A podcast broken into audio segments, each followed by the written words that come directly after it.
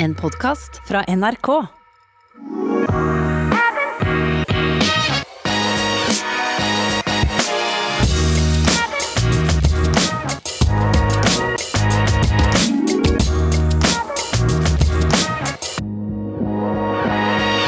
Julaften nærmer seg med stormskritt. Kalenderkjøret er i gang. Vi ønsker velkommen til en ny episode av I det lange løp. Jeg heter Jan Post. I dag har vi en eh, gjest som ikke er en A4-løper, det må vi si. Sebastian Konrad Håkansson, som nylig var med i verdensrekordforsøket til eh, Kilian Journet på 24 timer eh, bane. De åpnet raskt, og så skal vi høre etter hvert hvordan det gikk, og hva slags galskap den mannen har prøvd på før. Christian Ulriksen, du har vært til fjells. Har du testa skiene? Vi har både vært til fjells, vi har bytta om til vinterdekk, og vi har vært ute i god gammeldags diagonalgang. Så det har vært fryktelig solid helg. Det må jeg si. Men det siste jeg så eh, her nå, var at du var inne i en hall og prøvde å henge på Sondre Nordstadmoen. Da må det være litt eh, bedring bak i den der opererte hælen din.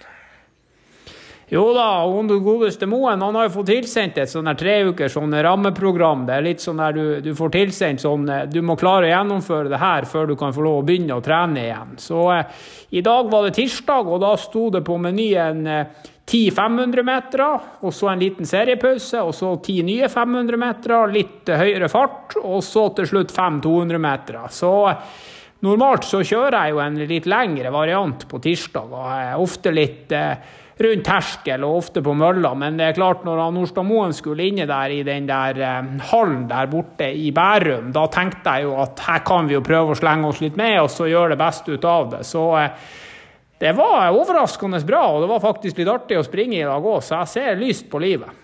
Ja, Det er bra. Det nærmer seg midten av desember, hvor din finske kirurg har lovt at du kan løpe litt mer òg. 14 dager unna nå på innspillingsdagen her. Ja, vi skal jo ta bilder her den 15. desember, og så skal vi jo sende dem over til Finland. Så får vi jo se hva, hva mannen sier, men vi håper jo på klarsignal på en, på en par økter til i uka. Det må vi jo eh, ærlig innrømme. Jeg er jo litt sånn enten-eller, så jeg har jo ikke trent spesielt bra siden, eh, ja, siden vi var i Barcelona i februar. Så det begynner å bli på tide å rive i gang igjen. ja, begynner å miste litt følelsen med å trene bra. Men uh du er jo i halvhabil form nå. Det har vært verre tidligere høst, så det må være håp. Selv har jeg gått på en liten smell her. Jeg var jo på Beitostølen. Der var det veldig mye jobb. Og så hadde jeg trent ganske bra før jeg kom dit, så jeg skvisa inn trening, vet du. Jeg fikk jo låne tredemølle der av eh, den mannen på Beitostølen med best maratontid, eh, selvsagt. Eh, Eh, og, og, fikk skvisa inn trening på de få minuttene jeg hadde ledig. Når jeg kom hjem etter der, så var det en eller annen form for stressreaksjon. Altså. Det var eh, pulsen ville ikke ned igjen, bare etter en liten joggetur og litt styrke der på mandagen etter, og jeg følte meg ikke særlig bra, så jeg har rett og slett tatt eh, fire-fem dager av her nå for å Ja. Og så får jeg starte igjen, og så kjøre litt volum, tror jeg, i desember. Bare løpe. Ikke tenke så mye på hvor fort det går. Løpe litt sammenhengende halvfort av og til hvis jeg føler meg fresh. Og så får vi bare sørge for å få løpt en god del kilometer, og så ta det derfra nå, tror jeg. Ja, du får bruke den julekalenderen til å inspirere deg, så får vi begge to håpe på et eh, ganske så mye bedre 2.21, for det har vært fryktelig dårlig innsats med podkasten her nå lenge. ja, jeg har vært litt innom eh, forskjellige ting eh, innimellom, men eh, det har vært litt langt mellom høydepunktene, det må vi si. Stadig noen forstyrrelser i programmet i form av skader, småvondter, motivasjonssvikt og litt for mye jobb til tider. Men sånn er det. Andre står på. Jeg så det var en japaner her nå som satte verdensrekord for 60-åringer. Det er den tredje han har satt i år. Nå var det på 10 000 meter. Jeg var nede på 33-tallet der. Det... Ja, det er klart. Jeg ser også andre folk som trener. Det var et par kinesere som røyde inn der på 2,08 på kinesisk trial på maraton òg. Det har vel omtrent aldri vært en kineser under 2,10, så det er utrolig. Men det foregår fortsatt idrett på høyt nivå. Ja, det var vel OL-uttak til kineserne der, og det Det tyder at de har tenkt å henge med i Tokyo hvis det blir OL, de òg. Det går fortere på maraton nesten uansett hvilket land nå. Eh, og kanskje en av årets raskeste maraton, det har ikke vært mange, går eh, ja, et par dager etter at denne podkasten kommer ut, i Valencia. Der skal de også skru til ordentlig på halvmaraton. Det kan hende at det er en, en verdensrekord eh, på gang. Det blir spennende å følge søndag. Får håpe at vi får sett litt på det. Men i USA så er det en, en, litt spennende fyr som driver og lader opp til et maratonprosjekt de har der borte, med en del toppløpere ute i desember. Han heter CJ Albertsen. Vi, vi nevnte han for noen uker siden på podkasten her, for da hadde han satt verdensrekord på bane. 50 000 meter på bane. Har svingt seg 125 runder rundt der på 2.42,30. Eh, denne uka her Eh, da har han løpt maraton på tredemølle på 2.09,58. Eh, den er seig. Ja, det ble notert både av meg og han 205-løperen. Og vi, eh, vi, er jo spent på hva fremtida bringer. Altså, ei tredemølle på jevn fart. Vi får jo håpe for hans del at mølla var noenlunde riktig òg, men det, det, viser jo hva som bor i folk. Og vi har jo lest litt om han her. Han er jo en, en mann som som egentlig henger godt i hop med det intervjuet som kommer senere. Han er glad i å, å, hive seg litt rundt når det føles eh, bra, og så eh, har han hatt solid fremgang. Han hadde vel 2,17 før det året her starta, så, eh, så, det er jo en mann som kanskje kan ha enda litt mer i vente. Så får vi se om han kommer seg under 2,10 ute, men at han er god og at han kan finne på sinnssyke stunt, det er helt sikkert. Han ble altså nummer sju i det amerikanske uttaket til OL på maraton i en kupert løype i Atlanta. Men han har en litt sånn spennende treningsfilosofi som eh, vi også skal ha i bakhodet når ukas økt kommer, på slutten av denne episoden, servert av Sebastian Konrad Håkan, eh, Håkansson. Men denne fyren her, da, Albertsen borte i USA, 1. Da løp han 50 km på tredemølle på 2,42. Det er jo jamgodt da med verdensrekorden på, på 50 km på tredemølle. Eh, en heftig langtur. Uka etter da så var det denne verdensrekorden på bane, 2.42,30. Den distansen er i hvert fall korrekt. Uka etter da, så løp han da 37 miles på mølle. Det er vel da ca. 60 km. Han hadde da 5,56 per mile. Nå har ikke jeg finregna akkurat nå, men jeg tror det er rundt 3,45 per km. Eh, I 60 km. Halvseig langtur, det også. Og så dette stuntet nå, da 2.09,58 på, på en maraton på mølla et par uker etter, etter det. Og han har altså en filosofi der han mener han skal løpe langt og ganske hardt en gang i uka. Ja, det er flere som har vært inne på langt og hardt en gang i uka. Så kan vi jo lure litt på hva han gjør de andre dagene. Men hvis du springer 60 km på 3,45 på en søndag, så må det være begrensa med hva du får gjort av trening. I hvert fall de neste to-tre dagene. Ja, det er jo langturfart for så vidt, da, kan du si, for løpere som er så gode. Sånn, litt på den hurtige siden. Jeg vil vel tro at det blir mye i to etter hvert. Men 60 eh, km, det er ikke vanlig i maratonoppladning rundt omkring. Nei, vi har jo hørt om uh, mye seige folk, og vi har jo hørt om, uh, om en par mann som Renato har trent, som har vært opp mot 50. Jeg var jo til stede, han Sondre kjørte jo en 45 km, og sjøl sprang jeg jo en gang tre timer, var vel en 47 km. Men det, det, er langt fra, fra høy 40-tallet opp til 60. Det, det, den mila mellom 50 og 60, den koster. Vi skal fra USA til uh, noe som uh, står vårt hjerte i Norge kanskje litt uh, nærmere. Vi skal til en mann som imponerte i Ruka.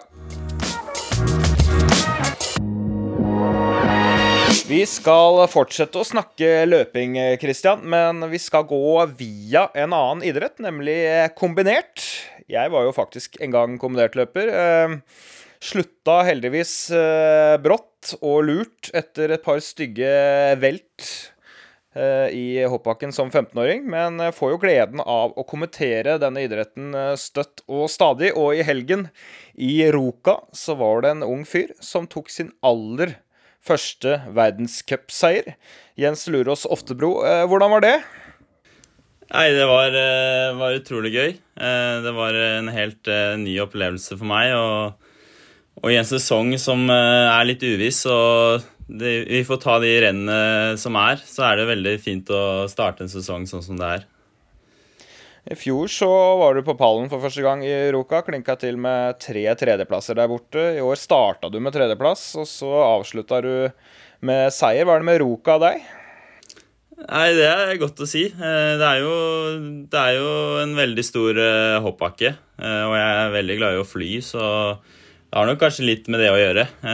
Men i år så følte jeg fikk ut det jeg hadde i sporet også, så det var et nytt nivå i år. Det var det. Ja, Det er ikke tvil om at du har blitt bedre i, i, sporet. Men det er kanskje ikke så rart når man går fra 19 til 20 år. Men har du, eh, har du eh, gjort noe spesielt på trening som gjør at du har blitt eh, såpass mye bedre?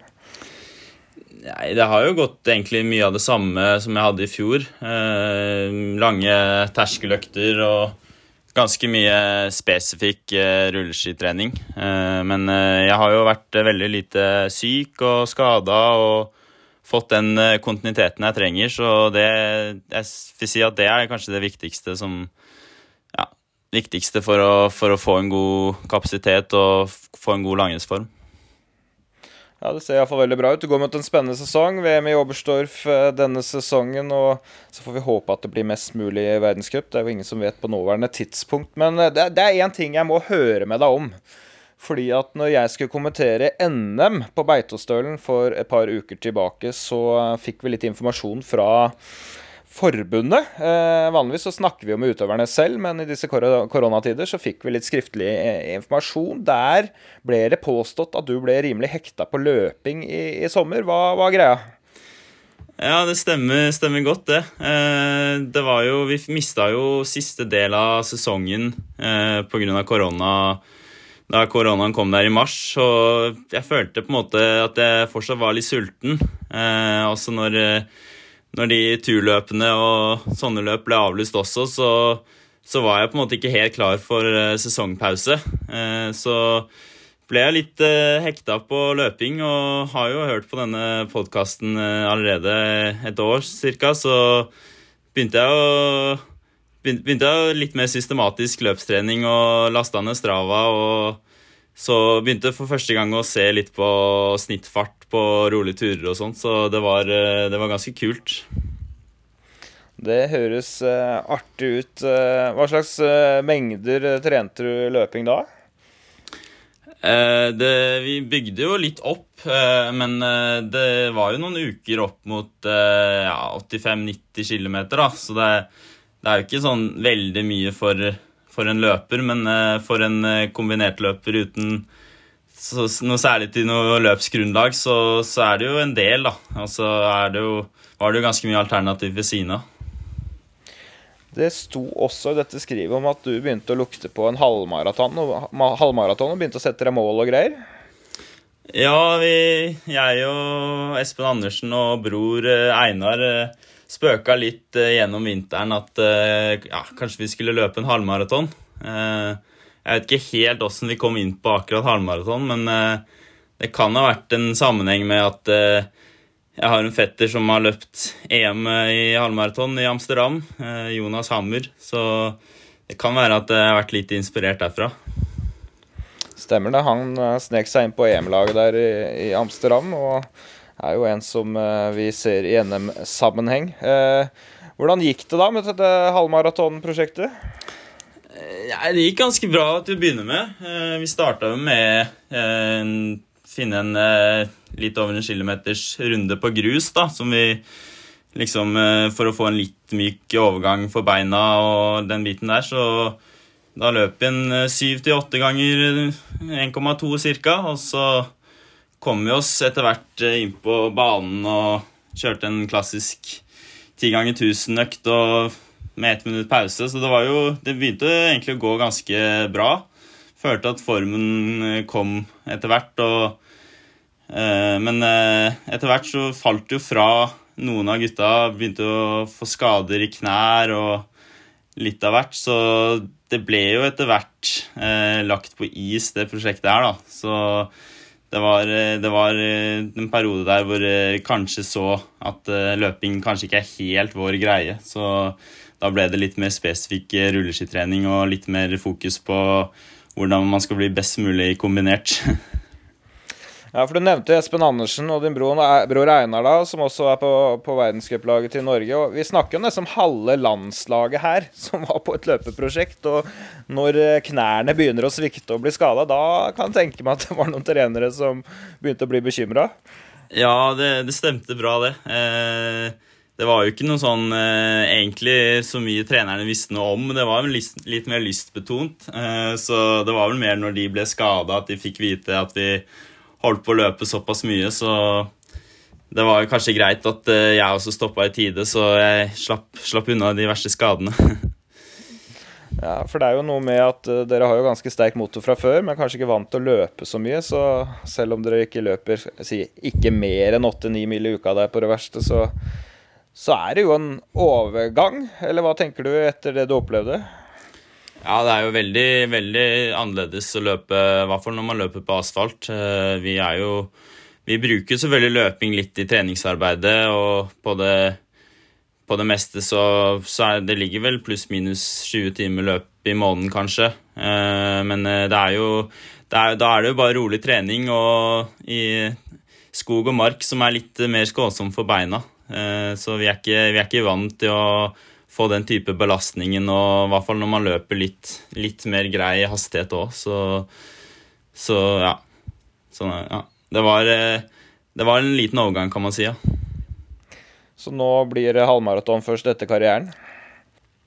Ja, vi får se. Eh, det var jo Det hadde jo vært kult å prøve. Jeg tror jo på en måte at det, det hadde vært mulig å fått en ganske grei tid. og vi begynte jo på en måte å designe en, eh, en fem kilometers eh, runde på Fornebu som, eh, som, skulle være lettere og mindre svinger enn Fornebu-løpet. Så og så hadde vi jo tenkt å spørre Jonas da om å være harde, så vi hadde jo på en måte et godt opplegg.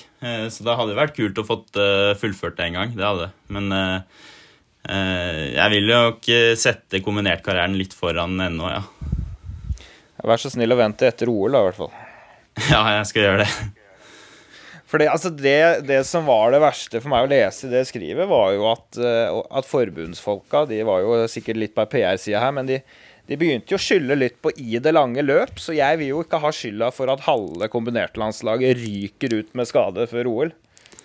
Nei, eh, det, det, er ikke, det, er ikke, du som har fått oss skada, det er det ikke. Men, eh, men vi hørte, vi hørte, jeg hørte på podkasten deres og tatt i bruk ti ganger 1000 og, og hørt litt eh, på joggesko og, og litt sånn Ja, tatt, prøvd å ta imot litt tips, så, men det var ikke deres feil, nei. Det var det ikke. Det var, det var litt over, overambisiøse, overambisiøse kombinertløpere som prøvde på noe de ikke kan. det er godt å høre at vi ikke får eh, hele skylda for det der. Eh, til våren så får vi sende Ulriksen ut som vakt. Da. Han, eh, han kommer til å gi dere huden full hvis dere tar i for mye, så kanskje vi skal sende han ut på par økter. Ja, det blir bra. Men du, eh, nå som du har kommet så godt i gang, hva, hva tenker du om eh, VM? Nei, eh, For det første så får man jo håpe at det blir, eh, at det blir gjennomført et VM. Det er jo det, det, er jo litt sånn uh, usikkert, det ennå. Men uh, jeg skal i hvert fall være klar uh, hvis det blir et VM, og være med der oppe og prøve å kjempe om medaljene. Så det, det, er det store målet. Og når den podkasten her kommer ut, så er jo du i gang med Norgescup på Lillehammer. Og jeg skal få gleden av å kommentere deg igjen. Da Kanskje vi treffes, da, så får vi snakke litt løping eh, og løpetrening òg. Ja, vi får gjøre det. Det er, eh, det er, veldig inspirerende å høre på folk som eh, virkelig kan løpe. Så det, det er gøy, det. det er hyggelig å høre. Eh, gratulerer så mye med sesongåpningen, og lykke til videre. Tusen takk.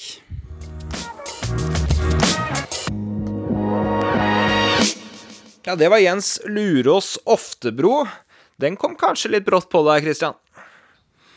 Ja, men jeg merka meg jo navnet der, så tenkte jeg meg jo midt om at tro om det kan være broren her til han godeste Jonas, eller noe sånt. Og så når det dukka opp her, så, eh, så skjønte jeg litt hvor det kom fra, og, og at guttene har blitt inspirert her, og at eh, du omtrent holdt på å få deg en telefon av en trener der, det tror jeg vi skal ta med oss som et litt sånn eh, klapp på skuldra. At guttene trener, at de blir litt ivrige, det syns jeg jo er bra, og så syns jeg jo det er godt at de gir seg mens leken er god, for han, han karen her, han trenger vi på vinterstid, først og fremst.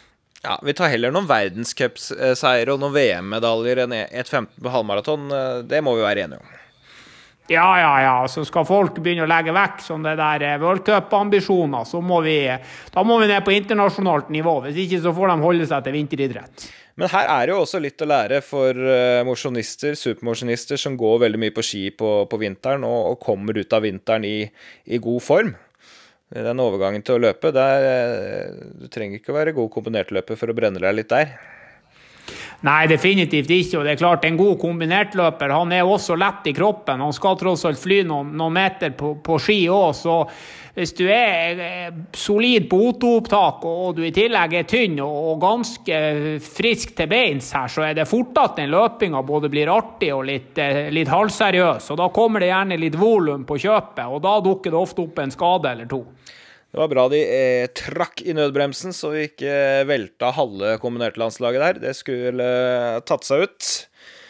Nå skal vi til denne ukas eh, hovedgjest, Sebastian Konrad Håkansson. Og en fyr jeg merka meg for fem år siden, da han vant Oslo-tripperen, eh, Christian. Han eh, er en meget solid løper, og fra utsiden, det lille jeg har eh, hørt om han og, og kjenner til, så, så virker han offensiv.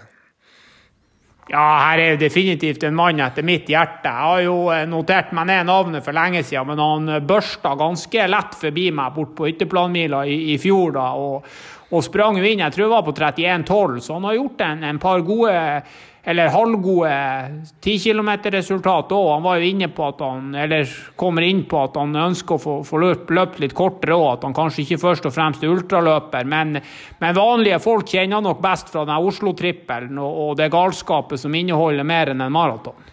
Ja, jeg tror det er en mann som hvis han bestemmer for seg for det, kan true 30 minutter-grensa på mila og 2,20 på maraton, faktisk.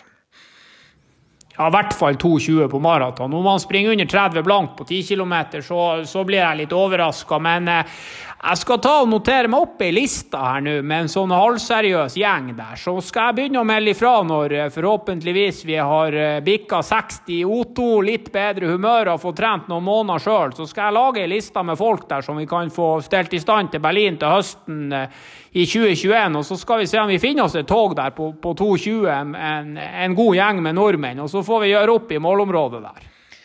Nå skal vi snakke en del om 24-timersløp først, på bane. Sebastian han eh, passerte jo bedre enn den norske rekorden på 12 timer løping. Han løp 153,6 km de første 12 timene, og på 100 miles satte han også en uoffisiell rekord, da. 12.46,57. Det kan jo være litt vanskelig å sette seg inn i. Jeg skal love deg at det er fort. Forberedt seg, det hadde han heller ikke noe, gjort noe særlig. La oss møte en av de mest offensive og utypiske løperne i hele Norge. Tenk deg at du får tilbudet om å løpe så langt du kan på ett døgn. 24 timer på en friidrettsbane. 400 meter er runden. Rundt og rundt og rundt i 24 timer. Takker du ja til det tilbudet? Takker du nei? Hm, jeg vet hva jeg ville gjort, men mannen vi skal snakke med nå, han mistenker jeg og har sagt ja omtrent før spørsmålet var ferdig stilt. Velkommen til I det lange løp, Sebastian Konrad Håkansson. Tusen hjertelig takk for det, Jan. Ære å være her. Så hyggelig. Du, det var Kilian Jornet og hans team som spurte deg om dette her. Det er jo verdens beste fjelløper hvis vi tar med de siste 10-15 årene. En legende i miljøet. Han var jo gjest i denne podkasten for noen uker siden og sa da at uh, det eneste flate han hadde løpt for et par år siden, var når han skulle krysse en vei. Og nå skulle han plutselig løpe 24 timer på en bane borte på Vestlandet, og du fikk innbydelsen. Hva tenkte du? Jeg tenkte at uh, jeg har i utgangspunktet sagt jeg aldri skal løpe 24 timer flatt, fordi det er dørgende kjedelig. Men eh, med det opplegget som det var lagt opp til, verdensrekord fra Kilian Journet, som du sier, en legende, så blei fristelsen veldig stor, og jeg takka egentlig ja med en gang, ja. For det, det her måtte jeg få oppleve. du er ikke redd for en utfordring, det har du aldri vært. Det skal vi komme til, tilbake til. Men når, når nøyaktig fikk du denne forespørselen? For dette løpet gikk altså forrige helg. Ja, jeg, jeg, jeg hørte jo episoden med Kilian. Da visste jeg det allerede. Så det var jo egentlig strengt hemmelig fra Salomon, og visstnok så har det blitt utsatt flere ganger. Eh, men eh, jeg fikk det vel i uka etter at jeg var med på Backyard Sandefjord i siste helgen i oktober. Så det var ikke lang forberedelse, og da ble jo også forsøket utsatt flere ganger, så egentlig så hadde jeg bare fra det også ble helt klart at jeg fikk lov til å være med. For først var det en forespørsel, og så Så skulle de velge ut, og så ble det bekrefta, da. Og da var det tre-fire uker igjen, bare, altså før jeg visste at det ble noe av. Det er ganske kort varsel. Du rekker ikke mange langturene da? Nei, og spesielt ikke på en uh, friidrettsbane. Det er noe helt eget å løpe så langt. Uh, det fikk jeg erfare under forsøket nå. Men uh, det krever en helt egen trening, spesielt muskulært, så det var lite forberedelse på et sånt forsøk ja, et par ukers varsel, en ukes utsettelse hvor du egentlig ikke får gjort noe særlig mer. Men det endte altså med at Harald Bjerke, Jo Inge Norum, Simen Holvik, Didrik Hermansen, Kilian Journet og du stilte dere opp uh, i nærheten av uh, hjemmet til Kilian Journet i, i Måndalen. Og skulle ut og prøve dere på både norsk rekord, ble det sagt, av de norske, mens Kilian skulle prøve seg på på verdensrekord. Du har aldri løpt 24-timers uh, løp før. Hva slags plan la du? jeg fikk jo litt spørsmål på hva folk uh, Hva folk lurte på ambisjonene mine var, da. Men uh, jeg ville ikke si så høyt hva ambisjonen var. Men når vi starta ut der, så var ambisjonen å henge på Kilian så lenge som mulig og være med å prøve å sette verdensrekord. Uten egentlig å ha grunnlag for det. Så jeg, når jeg først skulle stille opp den ene gangen på 24 timers løp flatt, da tenkte jeg at vi må i hvert fall prøve, da. Så det, det var jo litt sånn ungdommelig pågangsmot der. Eh, litt naivt, kanskje, men samtidig så følte vi oss veldig bra fra start. Og hvor mye roligere man skulle løpt, det er jeg usikker på allikevel. Jeg tror du blir sliten i beina etter hvert uansett, da. Ja, det er jo noen som har prøvd 24-timersløp gjennom historien. Da. Det er jo ikke en ny øvelse. Det er Janis Korus som har verdensrekorden på 303 km 500 ja, var det 6 meter. Um, og du får altså et par ukers varsel her. Jeg har egentlig aldri trent spesielt for dette, selv om du har løpt mye langt og mye slitsomme greier, som vi skal komme tilbake til. Eh, og tenker at dette er en gyllen mulighet i minusgrader på Vestlandet der, i litt vind, til å prøve seg på verdensrekord. Ja. Det, er, det, det, er, ikke så lett å forstå. Nei, men greia var at etter det der backyard-løpet i oktober, så trente jeg veldig godt. Og følte meg egentlig i veldig fin form. Jeg følte at alt jeg stiller opp i nå, det kan jeg perse på. Så jeg følte at jeg var i en skikkelig toppform. Så da blir du mer offensiv i hodet, så du tenker ikke så mye. Og da føles 4-10 som vi la ut i, det føles som rolig jogg, altså. Er Så jeg føler liksom Følelsen var aldri tung fra start, men eh, det blir jo tyngre etter hvert, da, selvfølgelig. Det fikk jeg jo erfare. Men når, når du da står på startstreken, så tenker du at nå tar vi bare ett steg av gangen. Og planen til Kilian var jo å følge passeringstidene til han eh, Janis, han grekeren. Og det var jo under tre timer på første maraton, og det var 7.15 på 100 km osv. Så, videre. så det, den planen blei jeg bare med på. Og det i utgangspunkt er jo et dårlig disponert løp. ja, altså det er ikke noe jevn fart, for å si det sånn. Det er, det er vel sånn 4,45 i snittfart da, hvis man skulle løpt uh, eh, 24 timer. Tror jeg regna oss uh, fram til. Uh, men uh, man skal jo innom doen, man skal spise litt, og, så man må løpe litt fortere. Men uh, 4.10-fart det er jo bra mye raskere, da. Men det viser seg at Janis Koros han løper jo også veldig raskt fra start. Men dere, dere, dere legger i vei i verdensrekordfart, og, og vel så det. Og ta oss litt gjennom løpet og emosjonene. Ja, altså det er eh, Vi går ut fra start. Vi jogger. Eh, føler oss veldig fine. Vi prater de første rundene. Jeg ligger jo litt dumt ut i halvveis, eh, nesten ut i bane to, og det blir jo noen meter ekstra men det er hyggelig å prate litt og få tida til å gå, rett og slett, i starten. Og, og da løper vi på 4.10 og snakker litt, og jeg spør litt hva planen hans er, og han gjør jo dette også som et forskningsprosjekt, og, så det er, det er, litt sånn interessant, da. Og også da høre med folk som er såpass gode, da. For han er jo en legende, og da, da, må, man, da må, du bruke muligheten til å spørre litt. Eh, så tiden i starten går egentlig veldig fint og lett. Og så legger vi oss eh, Legger jeg må rett og slett inn bak han. Og det viser seg jo da at han tar jo han går jo inn og tar en pause hver time, eller det vil si 20 sekunder stopp, da, for han skal måle laktat, blant annet, på hver eh, hele time. Eh, så plutselig så forsvant den jo bare, og da fortsatte jo jeg, da. Eh, men da løper vi jo ikke samtidig lenger, for da er jo han plutselig litt bak meg. Og så tar jo jeg han igjen litt etter hvert, og begynner jo å øke og få større distanse til han. Og ja, jeg husker ikke helt når det var, men litt sånn fem-seks mil, så kommer jeg opp til så, Eller han kommer opp til meg, faktisk, der. Og så sier jeg Skal vi bare prøve å holde litt jevne rundetider nå? For vi hadde hatt noen Vi hadde hatt noen runder også som gikk raskere enn fire blankfart òg. Og det det var litt dumt, da, tenkte jeg. Eh, ikke at det var så tungt, men jeg tenker at det var dumt i forhold til å skulle holde på i 24 timer. Eh, ja. Så da, da, spør jeg rett og slett han. 4-10, og han Ja, fint. Men så slipper han jo på det her. Eh, han løper jevne rundetider, men han løper 3-4 sekunder raskere. Og da stadig vekk så får jeg økt ledelse, da. Og det Du blir jo litt sånn gira av det òg. Men eh, følelsen er egentlig veldig bra hele veien. Eh, det er litt selvfølgelig det der Du blir lei av å ta til deg næring hele tida, for du må være fornuftig der det jo, Hadde det vært et maratonløp, så hadde du ikke tatt i deg like mye næring.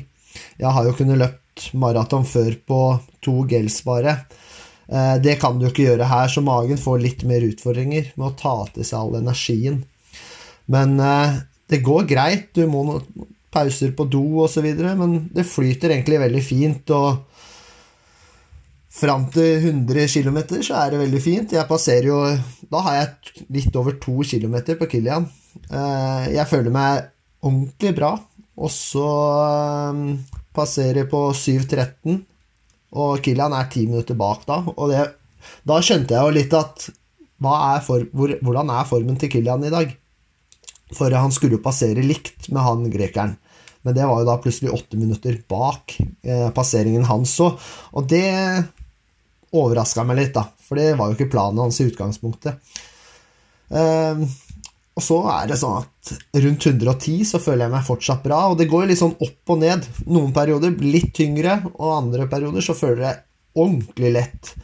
Eh, så ved runding, eh, når vi skal snu første gang etter fire timer, så får jeg jo på meg musikk, og vi eh, skifter retning, så du får en liten sånn boost, og plutselig så løper jeg 3.30-fart en runde der. Så da ble jeg helt fartsblind. og det er litt dumt, da. Men fortsatt så føler jeg meg bra, og etter 110 ca. så føler jeg meg så sinnssykt bra, og spør rett og slett eh, supporten min fra Sorkmo uh, Spør jeg kan ikke du søke opp verdensrekorden på 100 miles? Så så bra følte jeg meg, da. du måtte ha noe, del, måtte ha noe delmål her. ja, så, men jeg, jeg, tenkte at hvis den er litt under 12, da, så skal jeg ta den. Så skal jeg gå for det òg, som et delmål. For jeg føler meg så bra. Det er jo bare det du føler der og da. Men den var på 11-19, og da, da la jeg den litt fra meg. For det, da hadde vi åpna for rolig for det. Men eh, når du da kommer til 125-130 det begynner å rykke litt under tåballene, og jeg kjenner et par gnagsår. Da blir jeg litt bekymra. Og da begynner, også, da begynner det å bli litt tungt, du endrer litt steg. Og det begynner også å bli mørkt i Mandalen her. For det var jo ikke Vi hadde vel ikke en eneste solstråle i løpet av på oss på stadion i løpet av døgnet der. Men når dagslyset gikk og det ble enda kaldere, så blir det stadig større utfordringer. Og da begynner låra å stivne litt, og det ble et ganske sånn hårete løp etter hvert. Og da blir det gradvis tyngre. Men jeg ser også at Kilian får det tyngre, da. Og da Etter hvert så går det på en liten smell, da. Og da merker du det spesielt muskulært. Så 145 så går det greit, men jeg har justert farta mi til å være rundt 5 blank, og så går det gradvis til 5,30 på kilometeren. Og så de siste rundene før jeg gir meg, så er det mer en kamp. Motivasjonen var en verdensrekord eller en skikkelig bra distanse på 24 timer. Kilian går ut av løpet, gnisten går litt bort. Og, men jeg får høre at det ikke er mulig å få en bestenotering på 12 timer og 100 miles, så det må vi i hvert fall eh, gjennomføre, da. Ja, Du passerer jo 12 timer da på 153,6 km. Det var den siste passeringa da før 12 timer gikk ut. Det er jo det lengste en nordmann har løpt på 12 timer. Og så passerer du 100 miles, da. Altså på 12.46,57, som er 45 minutter raskere enn det Jo Inge Norum hadde da han passerte Uh, underveis på 24-timeren opp i hell. 24 hours in hell. Så de rekordene tar du, men det, du skjønner da på et eller annet tidspunkt at her, her skal jeg ikke fullføre? Nei, fordi gnagsåra under føttene er vonde. Uh, låra har stivna helt. Du har jo ikke det lette steget lenger. Du jobber like hardt Du jobber hardere enn tidlig i løpet, men løper betydelig saktere. Så det er klart, jeg hadde på forhånd sagt at jeg skal fullføre uansett, om jeg må krype de siste timene, men elleve timer med kryping, det syns jeg ble litt voldsomt, da. Så, og det er ordentlig guffent og kaldt, da, rett og slett, på natta der. Det er fem minus og skikkelig frost. Så det er jo langt ifra optimale forhold til å løpe i 24 timer. Så det skjer noe med kroppen der, og da Gnisten gikk litt ut, rett og slett. Så all ære til de andre norske gutta som fighta gjennom 24 timer. Men ingen av dem er jo i nærheten av noe av sitt toppnivå, så det sier jo litt om hvordan forholdene faktisk var, da. Så, sånn sett så er jeg veldig fornøyd med å ha tatt de to passeringstidene på noe som egentlig føltes veldig komfortabelt ut, da, i lang tid. Ja, for å si det sånn, jeg syns det er helt ellevilt å løpe så langt på tolv timer og, og, den tida på 100 miles, så all ære av det du fikk til. Løpet da blir jo vunnet av Harald Bjerke, som vel lå sist lenge. Jo Inge Norum blir to. Eh, Bjerke løper 232 km, Jo Inge Norum 219. Vi runder litt av når det er så lange avstander. Simen eh, Holvik blir nummer tre på 208 km. Didrik Hermansen blir nummer fire. Han gir seg ganske tidlig, han òg. Eh, tidlig og tidlig. 174 km. Og du da på 161, og, og Kilian, som skulle sette verdensrekord, var jo den første som ga seg. Endte opp på sjukehus.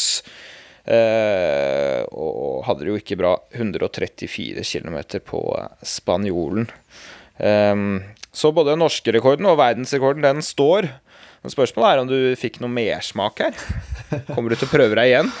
Eh, jeg sa i utgangspunktet aldri igjen, og i utgangspunktet så syns jeg jo at 24 timer flatt, det er fryktelig kjedelig. Jeg vil ha litt opplevelser. Det var jo også grunnen til at jeg takka ja til det her. Så det må komme noe ekstraordinært da, som trigger meg. F.eks. at Kilian skal prøve igjen. da. Og han sa jo på Instagram etterpå at det fortsatt står på lista hans. Så får jeg en invitasjon, så skal jeg være med og prøve på nytt. Og da, forhåpentligvis, så får jeg vite litt eh, Får jeg litt bedre tid i forkant, sånn at jeg kan forberede meg litt på det. Men da, da, er jeg trigga. Men jeg er ikke trigga for et uh, vanlig Bislett 24-løp. Det, det, I kjelleren der nede, det, det trigger meg ikke i det hele tatt. Det kommer jeg aldri til å fullføre og være med på. Ja, det, det, er jo uh, godt å høre, men jeg mistenker at hvis noen har et godt nok konsept, så er det umulig å lure. Så vi får, vi får se hvor hardt du står på prinsippene dine.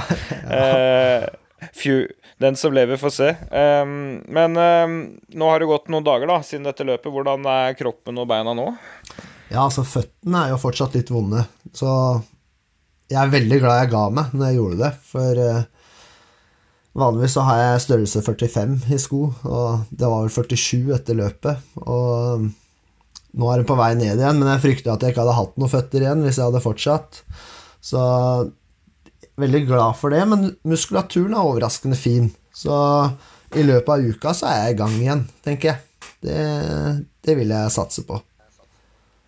Ja, du gir deg ikke så lett. Du tåler litt uh, motstand. Uh, men uh, det var jo noen rutinerte herrer der oppe, og jeg fikk jo tidlig noen melding om at dere lå an til 340 km, sånn ca.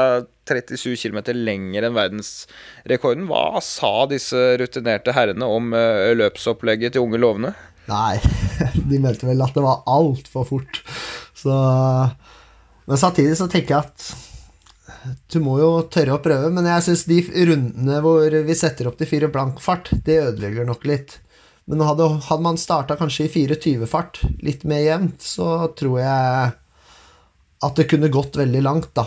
Om ikke verdensrekord, så rundt 285, som det bare er han Jannis eh, egentlig som har klart, da, før. Så det hadde vært litt gøy, da. Men når alt det ryker, så forsvinner motivasjonen. Så det, vi må jo være ærlige og si at med de forberedelsene spesielt, så var det altfor fort. det, må, det må, jo være artig da, passere maraton på underkant av tre timer og, og egentlig ha 21 timer igjen å løpe. Det, akkurat den situasjonen klarer jeg ikke helt å forestille meg engang. Nei, men vi holder jo farta til neste maraton nå, så det går jo I hvert fall jeg gjør det, da, og har, har vel seks timer på to maraton, så det går ganske jevnt, da. Så det, vi er jo ikke ferdig da ennå. Så smellen kommer jo først godt over 100 km, og det er, det er, litt godt å kjenne da, at du har den farta i deg. Som sagt så var jeg jo i veldig god form når det løpet var, og da, da er jeg jo godt nede på 2,20 på maraton, tror jeg. Og det er jo Han grekeren hadde 2,24, og det var jo det som gjorde at jeg var litt offensiv i huet på det òg. Han hadde ikke Han hadde ikke bedre enn det, for å si det sånn, men han var jo be mye bedre til å stå distansen, da. Og så tror jeg kan løpe i fem minusgrader. Eh, det, det, er også en faktor som spiller inn. Ja, det, det, tror jeg også. Det er ikke helt ideelt. Hadde det hatt 10-12 grader, så ville det nok vært eh, mye greiere å forholde seg til det døgnet der. Men eh, jeg tenker at det må jo være brennaktuelt å kjøre deg på noen andre distanser. Altså, Jonas Budd ble jo verdensmester på 100 km, og han har omtrent samme tid som deg på maraton, eller samme kapasitet hadde. Og ja, hvor, hvorfor ikke prøve noe sånt når du er eh, under 7,15 på 100 km nå? Eh, det er ikke så mye som skal til før du kjemper om medaljene der. Nei, det er nok noe som trigger meg mer, i så fall. Eh, for jeg har jo alltid vært av den der oppfatninga at ultraløp, det går for sakte.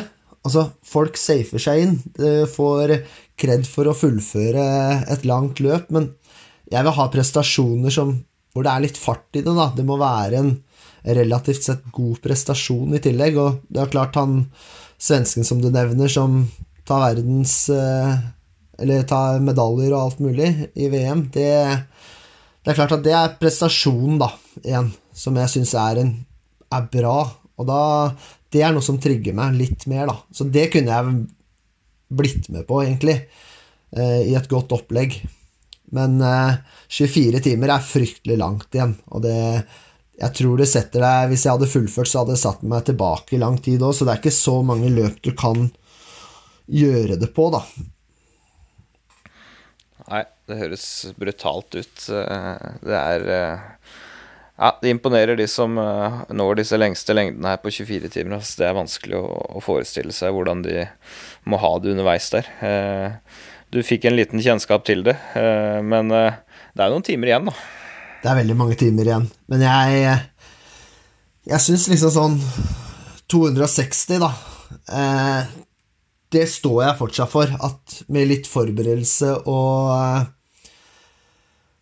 og bedre løpsdisponering, så bør det være ganske greit å klare. Og det er med full respekt for de som har gjort det før, da, og ikke hatt de distansene. Jeg, det tror jeg med kapasiteten min, men det er lett å sitte her og si, da. Eh, det skal gjennomføres, og nå prøvde vi på verdensrekord og trodde på det òg, og det viste seg at det er jo ikke bare å gjøre. Så det skal først gjøres før vi kan begynne å snakke så høyt om det, da. Ja, det var iallfall et eh, ordentlig godt forsøk, og et par rekorder ble det underveis. Selv om du vel ikke får dem offisielt når det er gjort underveis, men du vet iallfall hva du har eh, gjort og ikke gjort. Men det eh, kan jo, når er litt, jeg er litt sleivete her, så kan det jo høres ut som du ikke er forberedt i det hele tatt. Det er du selvfølgelig. Jeg har jo fulgt deg litt på diverse sosiale medier gjennom året, og du har jo gjort noen stunt i år. Jeg kan gå tilbake til må vel bli mai. Ja. Var det Oslo Maraton som arrangerte arrangerte en sånn uh, virtuell greie, 17. mai-raton. Da dukka det opp noen videoer uh, oppe fra litt lenger nord i landet hvor du holder til. Og løp du aleine der på 2,26 eller noe sånt? Ja, det stemmer. Da, da var jeg hos noen venner i Orkanger. Eh, der hvor Svorkmo, friidrettsklubben holder til. Og eh, vi tok en kaffe og en banan og til frokost, og så feira vi 17. mai da, med å løpe 42,2 ute i gatene der. Så det, det var en spesiell eh, feiring, men veldig artig da, å prøve på. Ja, Det var vel under din personrekord, for du løp 2,28 i Oslo Maraton i fjor? Ja, det stemmer. Så det, det var en kul opplevelse. Jeg tenkte egentlig 2,35 først, og hadde egentlig ikke følt meg i så god form i den perioden. Så jeg ble veldig overraska når passeringene plutselig lå veldig bra an. Jeg passerte vel halvveis på 1,14, og så løsna det egentlig mer etter 25. Så jeg løp meg veldig inn i løpet, så det var jo en god negativ split, og da viser det seg at man som regel får de beste tidene òg. Du kan jo dytte en sånn prestasjon inn i et Berlin-maraton i store grupper i en helt flat løype, så hadde det gått fortere enn 2,26, og det er i hvert fall helt sikkert, så det sier litt om hva du klarte aleine på 17. mai. Men du har gjort flere stunt i år òg. Ehm, du løper jo eh, Oslo-trippelen, eh, som også var virtuell, da, i ett eh, der i september. Hva var snittfarta du holdt på disse 73 km? Ja, det var vel 3.57 eller 3.58 i snitt. Det er en sånn runde ute i Harstad hvor jeg holder til for øyeblikket. Og det, er, det, har en god stigning der òg, så det var ikke den letteste løypa. Og det var seks grader og regn, så det var liksom ikke Oslo maratonforhold som uh, pleier å være sol og nydelig løpsvær og mye folk.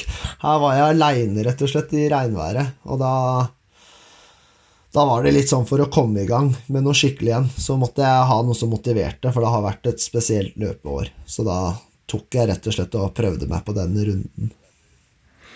Og ikke så lenge etter det, noe du var innom i stad, denne backyard ultra-varianten, hvor det dukket opp en del på sosiale medier, der du og Frank Løpke drev og yppa til krig. Alle som har fulgt med litt på løping, skjønte at Frank Løke var sjanseløs i den duellen. og hvor, hvor, hvor, langt og hvor lenge løp du i backyard ultra? Du kan jo forklare konseptet for de som ikke har vært med på det. Ja, Det er et ganske kult konsept, egentlig. For uh, jeg liker jo det sosiale ved alle løp. Det er jo det som det er grunnen til at jeg stilte opp der. Eh, du løper eh, en runde med start hver time. Så løper du en runde på 6,7 km. Så har du pause i forhold til når du kommer inn, og etter én time fra forrige start så går du i gang på nytt, da. Og det er egentlig et konsept med backyard som er last man standing, men til til sistemann gir seg. Eller det bare er én løper igjen. Men her er kutten på tolv timer, da. Og da har du to konkurranser inni det. Det er sammenlagt beste tid, og så er det raskeste mann på siste runde, da. Så enkelt eh, og greit konsept, og veldig trivelig, da. Ja, i den grad det er trivelig å løpe åtte mil ja. i løpet av eh, tolv timer. Men uh, med din form så gikk vel det greit?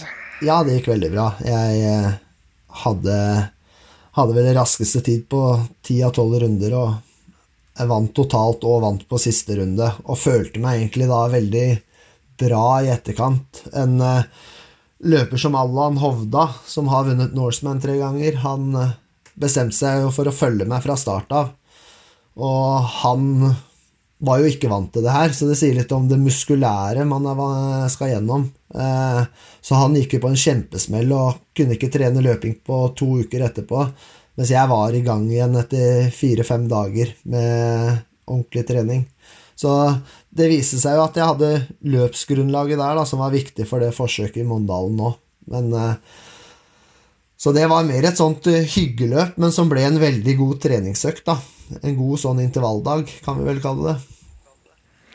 Jeg har iallfall skjønt nå at du ikke sier eh, nei til en utfordring, og, liker å le, leke deg litt utafor komfortsonen, iallfall andres komfortsone.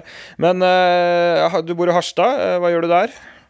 Du, jeg eh, fikk tilbud om et eh, fysioterapivikariat. Det er det jeg jobber som. Så tenkte jeg at ja, jeg har alltid vært fascinert av Nord-Norge, så jeg drar opp dit.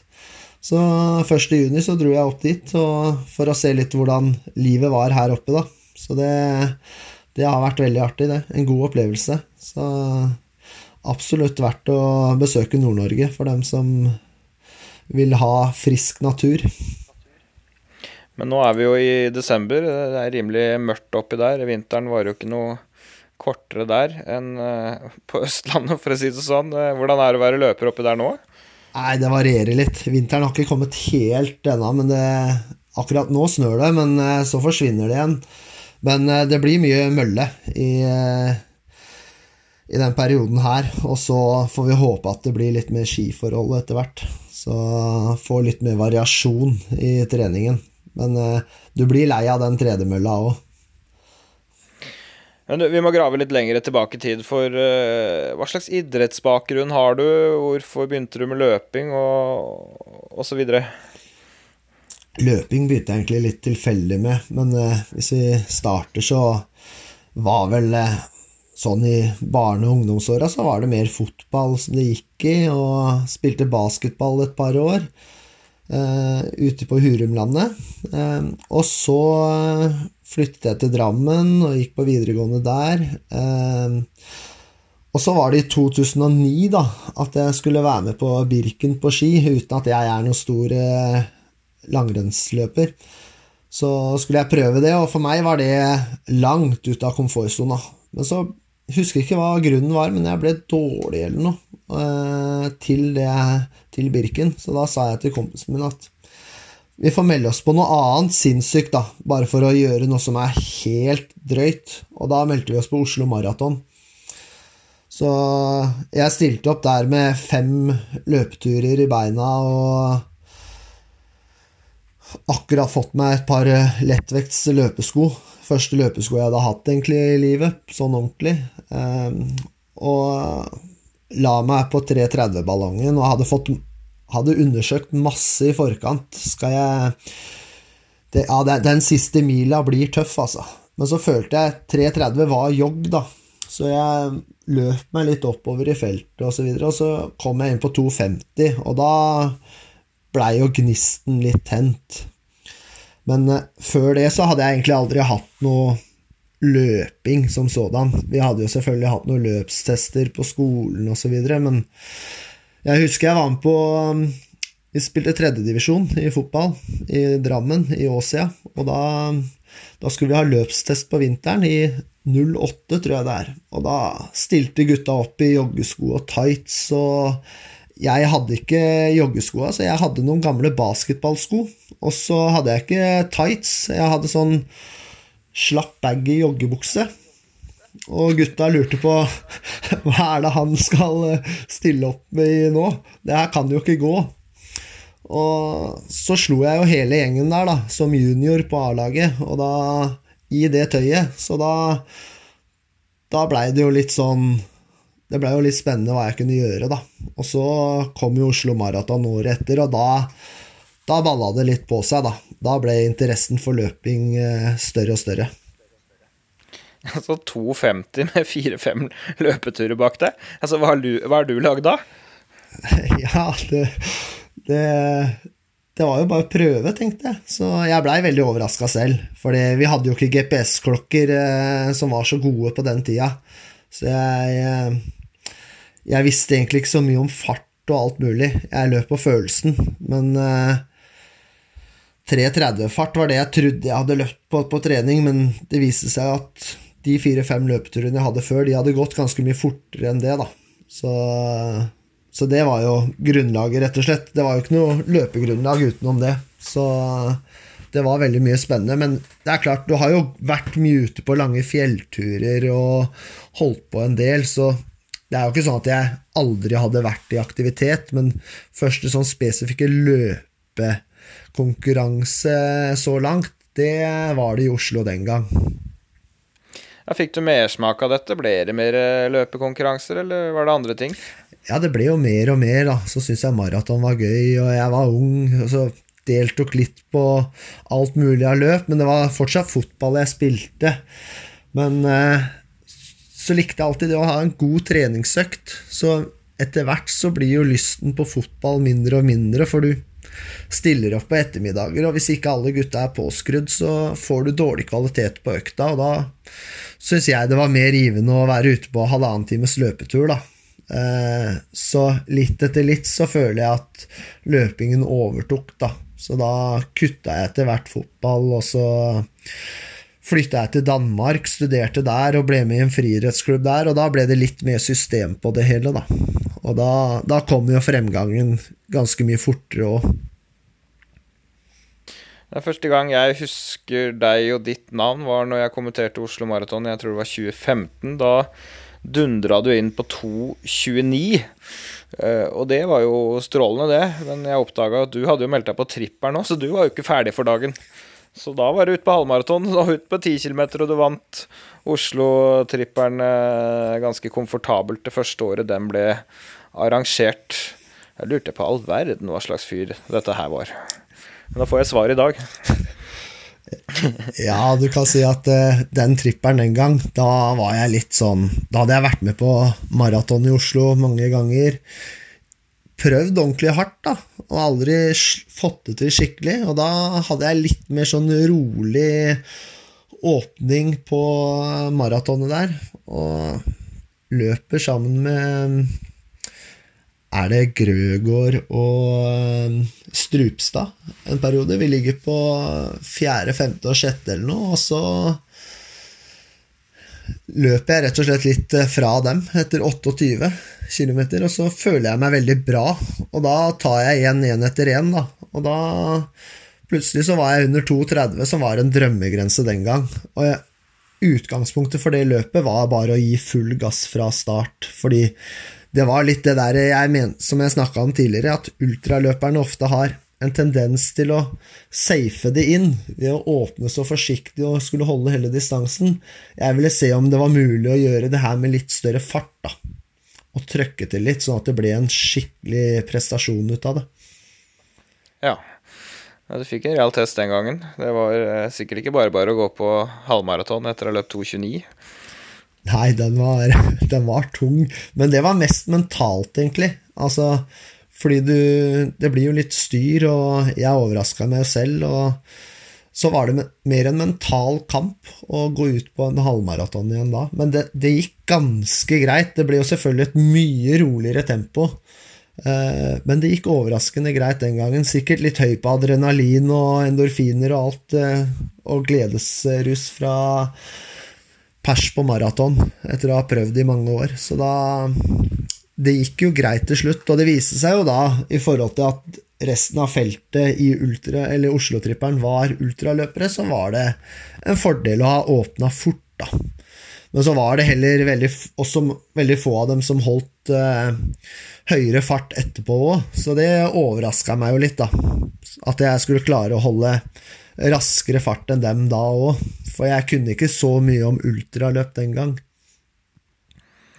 Nei, du har lært deg uh, litt etter hvert, og du lærer fortsatt, virker det som. Uh, men du, du uh, var jo i Danmark. du har flytta andre steder i utlandet og, og jobba også. Og det virker som du bodde i varme strøk en stund og satset en del på lange hinderløp.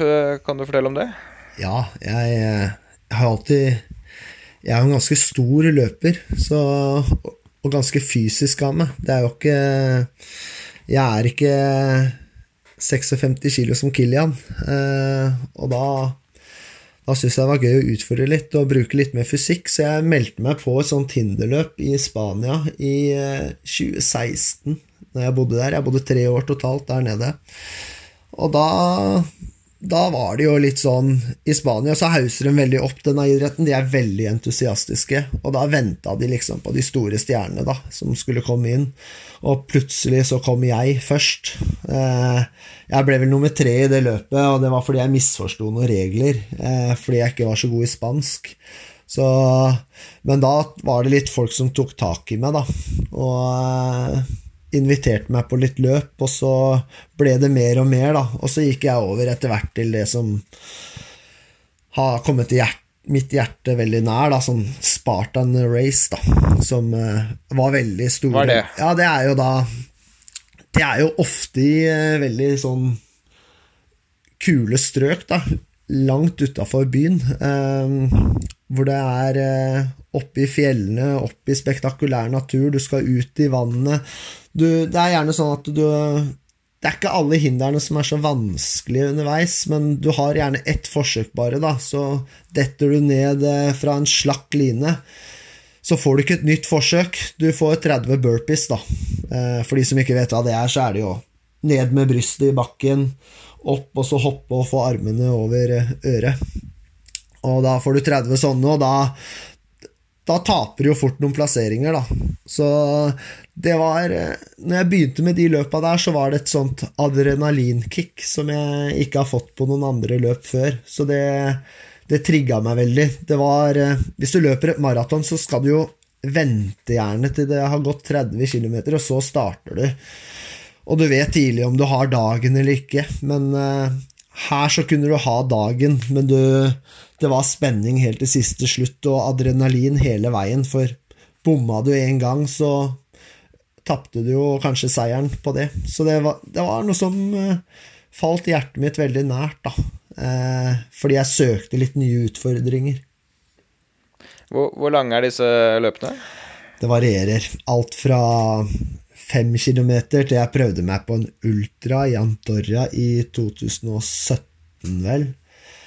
Eh, og det er fem, 50 km, og da er det jo gjerne 4000 høydemeter i tillegg, og 60 hindre eh, underveis, og det er jo bæring av 40 kg kjetting opp en bakke, fjellskrent, og så er det å kaste spyd av armgang, det er alt mulig, da, så det var jo veldig sånn utmattende, men eh, veldig kult, da.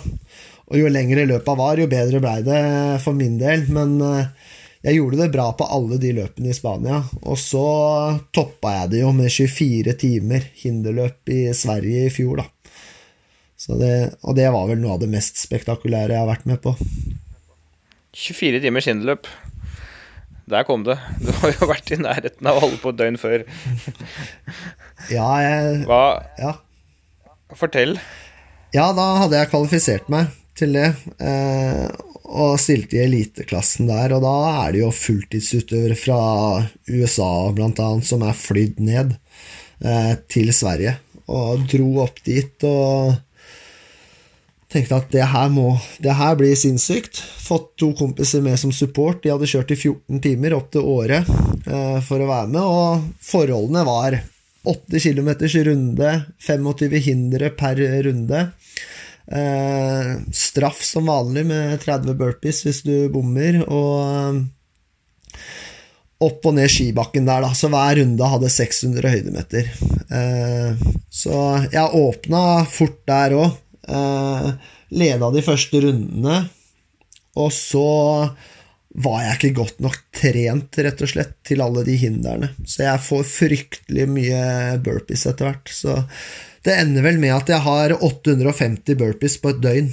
Og løp, løper 9600 høydemeter og 130 km totalt i 10 minus, som var det varmeste i løpet av døgnet. Så det var Mondalen var kaldt, men det var ekstremt oppe i Sverige der, altså. Det var helt drøyt. Komplett galskap. Ja, det var det. Men du, Men du, du løper altså 2,26 på trening, eh, maraton. Du løper fort på kortere distanser. Du er med på hinderløp og all mulig lengde. Du slenger deg med på ultravarianter. Hva satser du egentlig på? det, det lurer jeg òg på.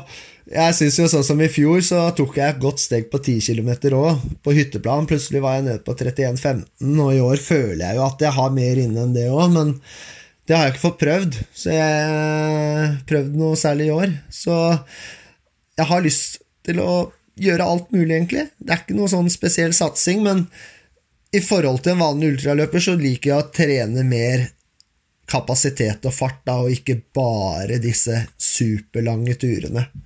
Men eh, jeg bruker også mye av de konkurransene som du nevner, da, til trening. At ikke alt må være topprestasjoner hele tida. Så trigges av opplevelsene, men jeg vet ikke helt hva jeg satser på. Jeg har jo et eller annet sinnssykt opplegg på gang, så er iallfall du mannen å ringe. Det er i hvert fall helt klart. Men uh, vi må komme litt inn i, i hvordan du trener. Uh, ja, en vanlig uke, uh, hva slags opplegg har du? Jeg er jo litt fascinert over det alle i Norge nå trener, med terskel. Men det er jo en jobbhverdag og en totalbelastning som skal gå opp i opp, og det, det går gjerne på intervaller tirsdag og torsdag, i hvert fall. Terskel gjerne ja, 10-15 km. Eh, effektiv intervalltid.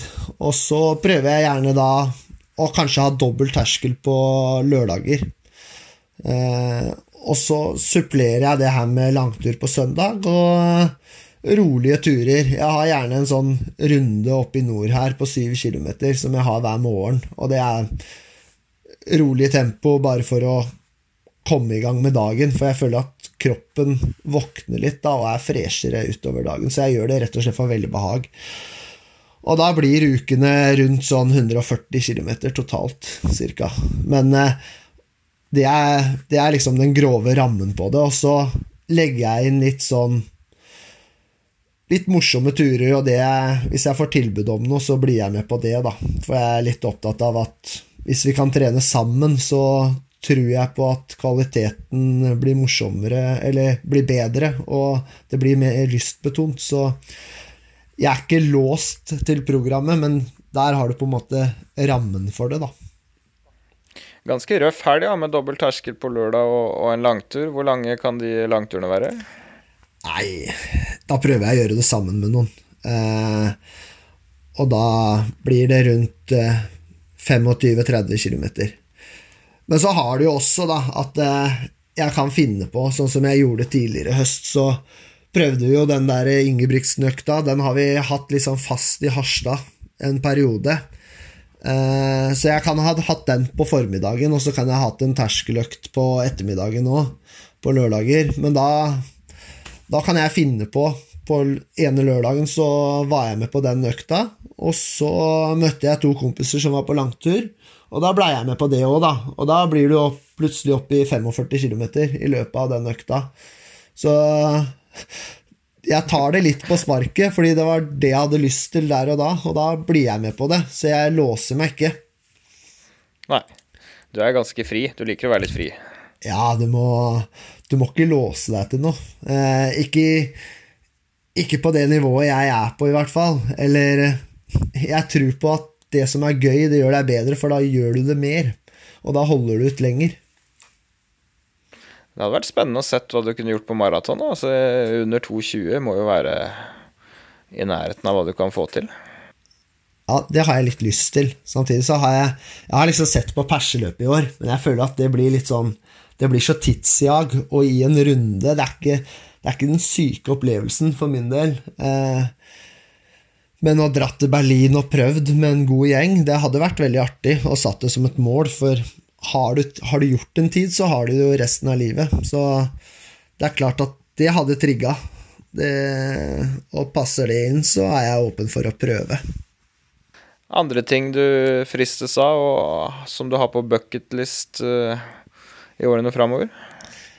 Nei, jeg tar det litt som det kommer, altså. Jeg, jeg har ikke noe sånt stort mål akkurat nå. Nå er det å få litt den der eh, koronatiden over, og så må vi se hva det dukker opp. Men jeg, jeg håper jo at det jeg gjorde i helgen, som ble sett av eh, flere millioner, det, det er jo mulig at det åpner litt dører da, for å bli invitert på litt eh, ekstreme ting. Og det Da kommer jo litt sånne ting som kunne vært på en bucketlist. Det kommer jo da opp, og da er jeg åpen for å være med på det òg. Klar for alt mellom 3 km og 24 timer, du? Ja, det, det er klart, det. Så, så, men jeg vil liksom ikke kalle meg noen ultraløper, for jeg trigges like mye av å klare gode tider på 5 og 10 km etter hvert, og jeg skulle gjerne løpt mer av det i år, når eh, formen er på topp, for å få skikkelig gode tider av det òg. For jeg syns det er moro, det òg.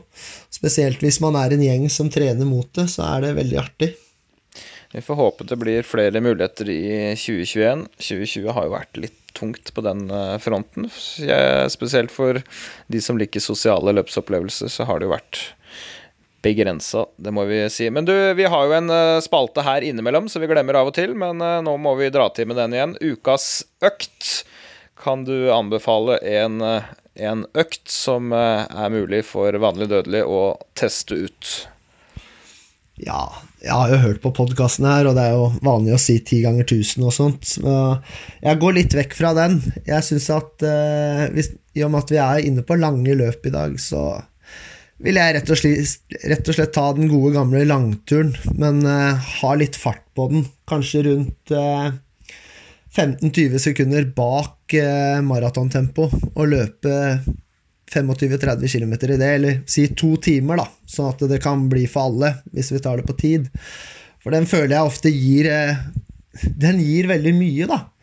Den herder beina du Kontra det å løpe veldig rolig, så er den mer med på den løpsspesifikke muskulaturen som du bruker også i maraton og kortere distanser. Eh, samtidig som at den tar ikke for lenge, for mye på muskulaturen, så du kan være godt i gang igjen eh, to-tre dager etterpå da, eh, med intervaller igjen. Så det er en økt jeg syns er veldig effektiv og god, da, som gir meg mye og godt overskudd. Så den syns jeg er bra. Ja, det er et eh, godt tips. Flere av oss som har vært innom den i spesielt eh, maratonspesifikk periode. Så det er en måte å teste og gjennomføre en langtur på. Jeg tror også den kan være utenom maratonspesifikk periode òg. At det, den gir deg veldig mye der òg. Jeg tror, tror, den ikke Jeg tror det, folk har godt av å kjøre den litt jevnlig utover hele året, da. Men låser du deg på den farta, eller bruker du mest følelsen til å finne fram eh, til den farta du skal ha den dagen? Ja, det, det, blir jo feil å låse seg til farta, syns jeg alltid, fordi det, det, går på følelsen. Fordi hvis du løper maraton i 3.25-fart, da, så er det ikke sikkert du er i den formen hvis du løper utenfor eh, maratonspesifikk eh, periode. Så da vil jeg jo gå på følelsen, og da handler det om å finne den flytfølelsen, men hvor du ikke jobber knallhardt, eh, men har et godt tempo allikevel, da, i forhold til maratonfarta di. Men jeg går på følelsen, ja. Så for min del, da, hvis jeg vil ha 3.25 da, som kanskje reell maratonfart her og nå, eh, så syns jeg jo 3.45 er en eh, fin fart å gå ut på. Eh, men har jeg dagen som tilsier 350 eller 340, så, jeg, så låser jeg meg på 345. Da er det følelsen som styrer. Ja, det var det som ante meg. Du en ting til vi må innom, fordi at du var innom her uh, før i dag at du ikke var like lett som uh, Kilian Jornet. Uh, jeg så en overskrift over en eller annen lokalavis, tror jeg, at du løp under 2,30 på maraton og løftet over 100 kg i benk. Og når du også er fysioterapeut, så lurer jeg selvfølgelig på hva gjør du av styrketrening? Ja, det, det her kommer jo litt fra jeg var liten eller yngre, da. Eh, da, da, var jeg minst av alle på ungdomsskolen, blant annet, så jeg begynte da Jeg var litt lei av det her, og jeg begynte å trene litt spesifikk styrketrening i ungdomsåra eh, for å bli litt større. Og etter hvert så fikk jeg en god base i det, og da har jeg liksom alltid sagt at jeg vil alltid klare 100 i benk for å ikke bli en av de aller minste der, eller bare for å ha en helhet, da. At du ikke blir så låst til kun løping, og at det er litt variasjon. Men jeg trener ikke benkpress, det er litt viktig å påpeke. Det, det er ikke en veldig relevant øvelse for min del, men eh, jeg syns det er viktig å ha litt eh, styrke i kroppen, da. Sånn at du Og det tror jeg er en av årsakene til at jeg ikke er så mye skada. Jeg tåler de løpene jeg er med på, de tåler jeg veldig godt. Så jeg er så å si aldri skadet. Men eh, Men eh, at jeg er tyngre enn Kilian, f.eks., det er det jo ikke tvil om. Men så har Kilian vært skada når han går inn på i hvert fall flat, uh, flat løping. Og det, det, har jeg unngått, heldigvis, da. Og det tror jeg er Jeg tror vi kan snu litt på det med vekta, og så kan vi si at det er også et godt fundament å ha, et sånn godt karosseri. Uh, sånn at du slipper skader, at du tåler de belastningene bedre, da. Så det er rett og slett det jeg tar ut av det. Benkpressen er litt mer sånn for moro skyld. Det, det, er ikke noe jeg trener. Men så litt sånn konkret, og hvor ofte og, og, hva slags type styrke driver du med? Nei, det blir mye kjernestabilitet. Du tar Prøver å ha litt Jeg har prøvd meg på Rodal-styrken en periode, og jobber litt mer sånn for å ha kjernen sterk og litt sånn kraft i beina i tillegg. Og så er det jo Med de hinderløpa så liker jeg å trene litt eh, Litt hangups, selvfølgelig, for å holde styrken der. Og så så når jeg flytta opp til nord nå òg, så begynte jeg litt sånn mer med klatring òg. Og det, det er en fin sånn avkobling, da, som også er veldig fin som styrketrening. Spesielt for kjernemuskulatur og grep. da. Grep er jo ikke så løpsrelevant, men det gjør noe med helheten, da. Hvor mye sitter du egentlig rolig i løpet av en uke, er det jeg lurer på nå? Nei, det varierer jo fra uke til uke, så ting er jo ikke låst. Men eh, jeg liker å være i aktivitet. Det, jeg liker at det skjer noe. Jeg gjør det. Det ante meg. Jeg tror du hadde vært en for en gammel idrett jeg fant opp når jeg gikk på idrettshøyskolen. Da var jeg jo litt sånn eh, avdanka orienteringsløper eh, som hadde begynt å trene en del styrke for uh, moro skyld, og da fant jeg opp en øvelse jeg kunne være brukbar i på den tida. 3000 meter benk. Der var det da maksing i benk, tre forsøk. det beste løftet teller, og så var det jaktstart ut på 3000 meter. To sekunders forsprang per kilo. Der tror jeg du hadde vært sterk. altså. Det er du som har funnet opp den, ja. For den har jeg hørt om. Den, den, er det mange som har foreslått. Så det er litt kult at du fant opp den. Det, det er noe som hadde vært gøy å teste. Jeg oppdaget faktisk her at den, den uh, fortsatt pågikk på idrettshøyskolen en gang årlig. At folk hadde tatt tradisjonen uh, videre. Ja, ja. Jeg er jo halvstudert, så jeg forsvant jo fort ut fra idrettshøyskolen, selvsagt. Men uh, konseptet har levd videre en del, videre en del år. Det er, det er, en sær øvelse, det skal sies. Ja, men den sier noe om helheten, da, som en utøver, tenker jeg. At du Det er veldig lett å bare trene løping. Bli veldig lett og tynn, og ikke klare å si Være med på flyttelass, da, for å ta det til noe funksjonell eh, bevegelse.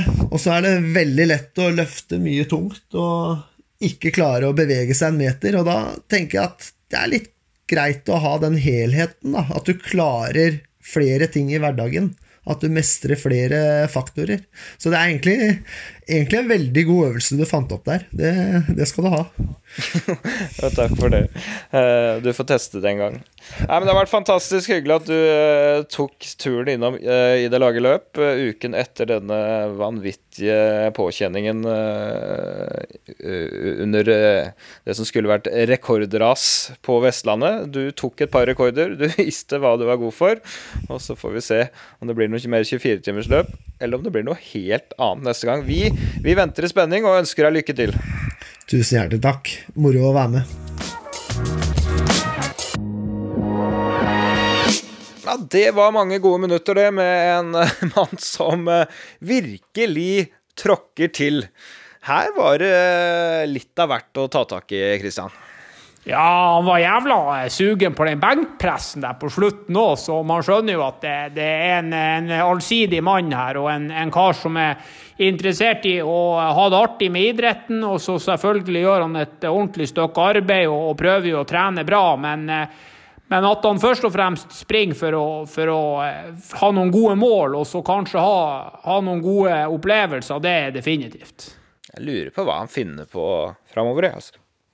Det kan jo bli hva som helst. Jeg syns jo det der 2.20-målet der, det er vi jo tross alt mange andre i Norge som både har prata om, og skoene blir jo bedre og bedre, så vi må jo klare å, å få et ordentlig forsøk. Og, og, neste høst får vi jo håpe at korona har roa seg. Da går det jo nesten ett stort løp hver søndag fra midten av august og så ut oktober, så det skal være nok av løp å finne tak i. Men det å løpe 2.26 på maraton aleine på trening en dag i mai, og han mener han var i bedre form nå. Eh, hva, hva sier du om den prestasjonen der?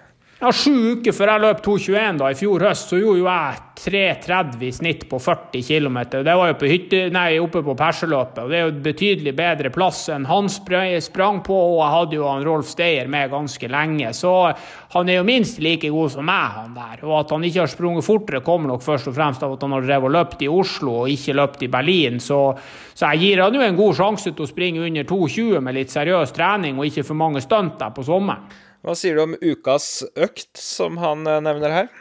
Nei, det er jo en, mest sannsynlig en av de største grunnene for at jeg sjøl har vært i god form på høsten. Det er jo at de der eh, langturene som har eh, gitt litt, de har begynt på rundt en time og et kvarter, og så har man bygd seg opp til å tåle det der i to timer. Og så tror jeg at vi har fått veldig mye sånn, sånn moderat terskeltrening inn i de langturene. Og så så er det jo ofte sånn at, at distansen eh, gjør noe med, med åpninga òg. Man får litt mer respekt. Man springer ikke for fort for tidlig. Man springer seg inn i økta. Så de der langturene de har nok eh, gitt mye til mange opp gjennom årene. Han er fysioterapeut. De er jo ganske smarte til å gjøre de riktige tingene. Jeg er jo gift med en fysioterapeut, så jeg må, må skryte litt av dem. Eh, også denne styrketreningen som, som gjør at han tåler veldig, veldig mye, da. Det er ikke alle som hadde tålt å gå løs på alt dette her. Nei, han har jo åpenbart et, et bunnsolid karosseri på den bilen her, og han tåler mye. Så får vi jo se hvor mye han tåler. Han begynner jo å komme ut på ganske tynn is her nå etter hvert, så jeg håper han legger litt den der 24-timerssatsinga litt på is og får seg en god treningsvinter. Og så håper jeg vi ser han på litt mer tradisjonelle distanser til neste år. Ja, jeg er bare så vidt over 30 år, denne mannen, så um, han har mange fine år foran seg. Til slutt, uh, Kilian Jornet gikk for verdensrekorden, endte på sjukehus. Hva sier du til det? Nei, man skal slutte å være bedreviter og sånn, men vi meldte ganske knallhardt på at han sjefen i Bergen han trodde vi at fortsatt ble å være sjef etter denne uka, og det fikk vi jo rett i. Og så kosta det nok ganske mye i det været som ble der oppe, og de åpna selvfølgelig altfor ambisiøst. og tror jeg egentlig at eh, folk dro hjem derifra litt sånn bob-bob og, og, litt etterpåklok. Så jeg tror det kommer flere gode forsøk, men skal du springe i 24 timer, så tror jeg det er en fordel at det er mer enn 10 grader ute. Men jeg må si at uh, den uredde, offensive holdninga, det, det, er noe herlig ved den. Selv om uh, hvis vi stikker fingeren i jorda, så, så kunne du ikke holde. Men uh, det var gøy så lenge det varte. Jo, og så likte jeg jo at de bare rett og slett kopierte det skjemaet til han der steine gale grekeren. Han var jo tydeligvis glad i å åpne hardt, han òg, så eh, det var et ærlig forsøk. Han Kilian han eh, prøver nok en gang seinere, om det blir om noen år eller om det blir til neste år. Det, det blir spennende å se, men jeg tror at guttene fikk seg litt respekt for distansen, og 24 timer jeg tør faen ikke engang å tenke på hvor langt det er. altså. Så vi får se hva fremtida bringer, men den verdensrekorden på 24 timer den frykter jeg blir stående i mange, mange år til. Nok galskap for eh, denne uka. Takk til alle som stilte opp. Takk til alle dere som har lyttet. Vi eh, får eh, finne på noe mer, vi. Så er vi tilbake om en uke. Takk for nå.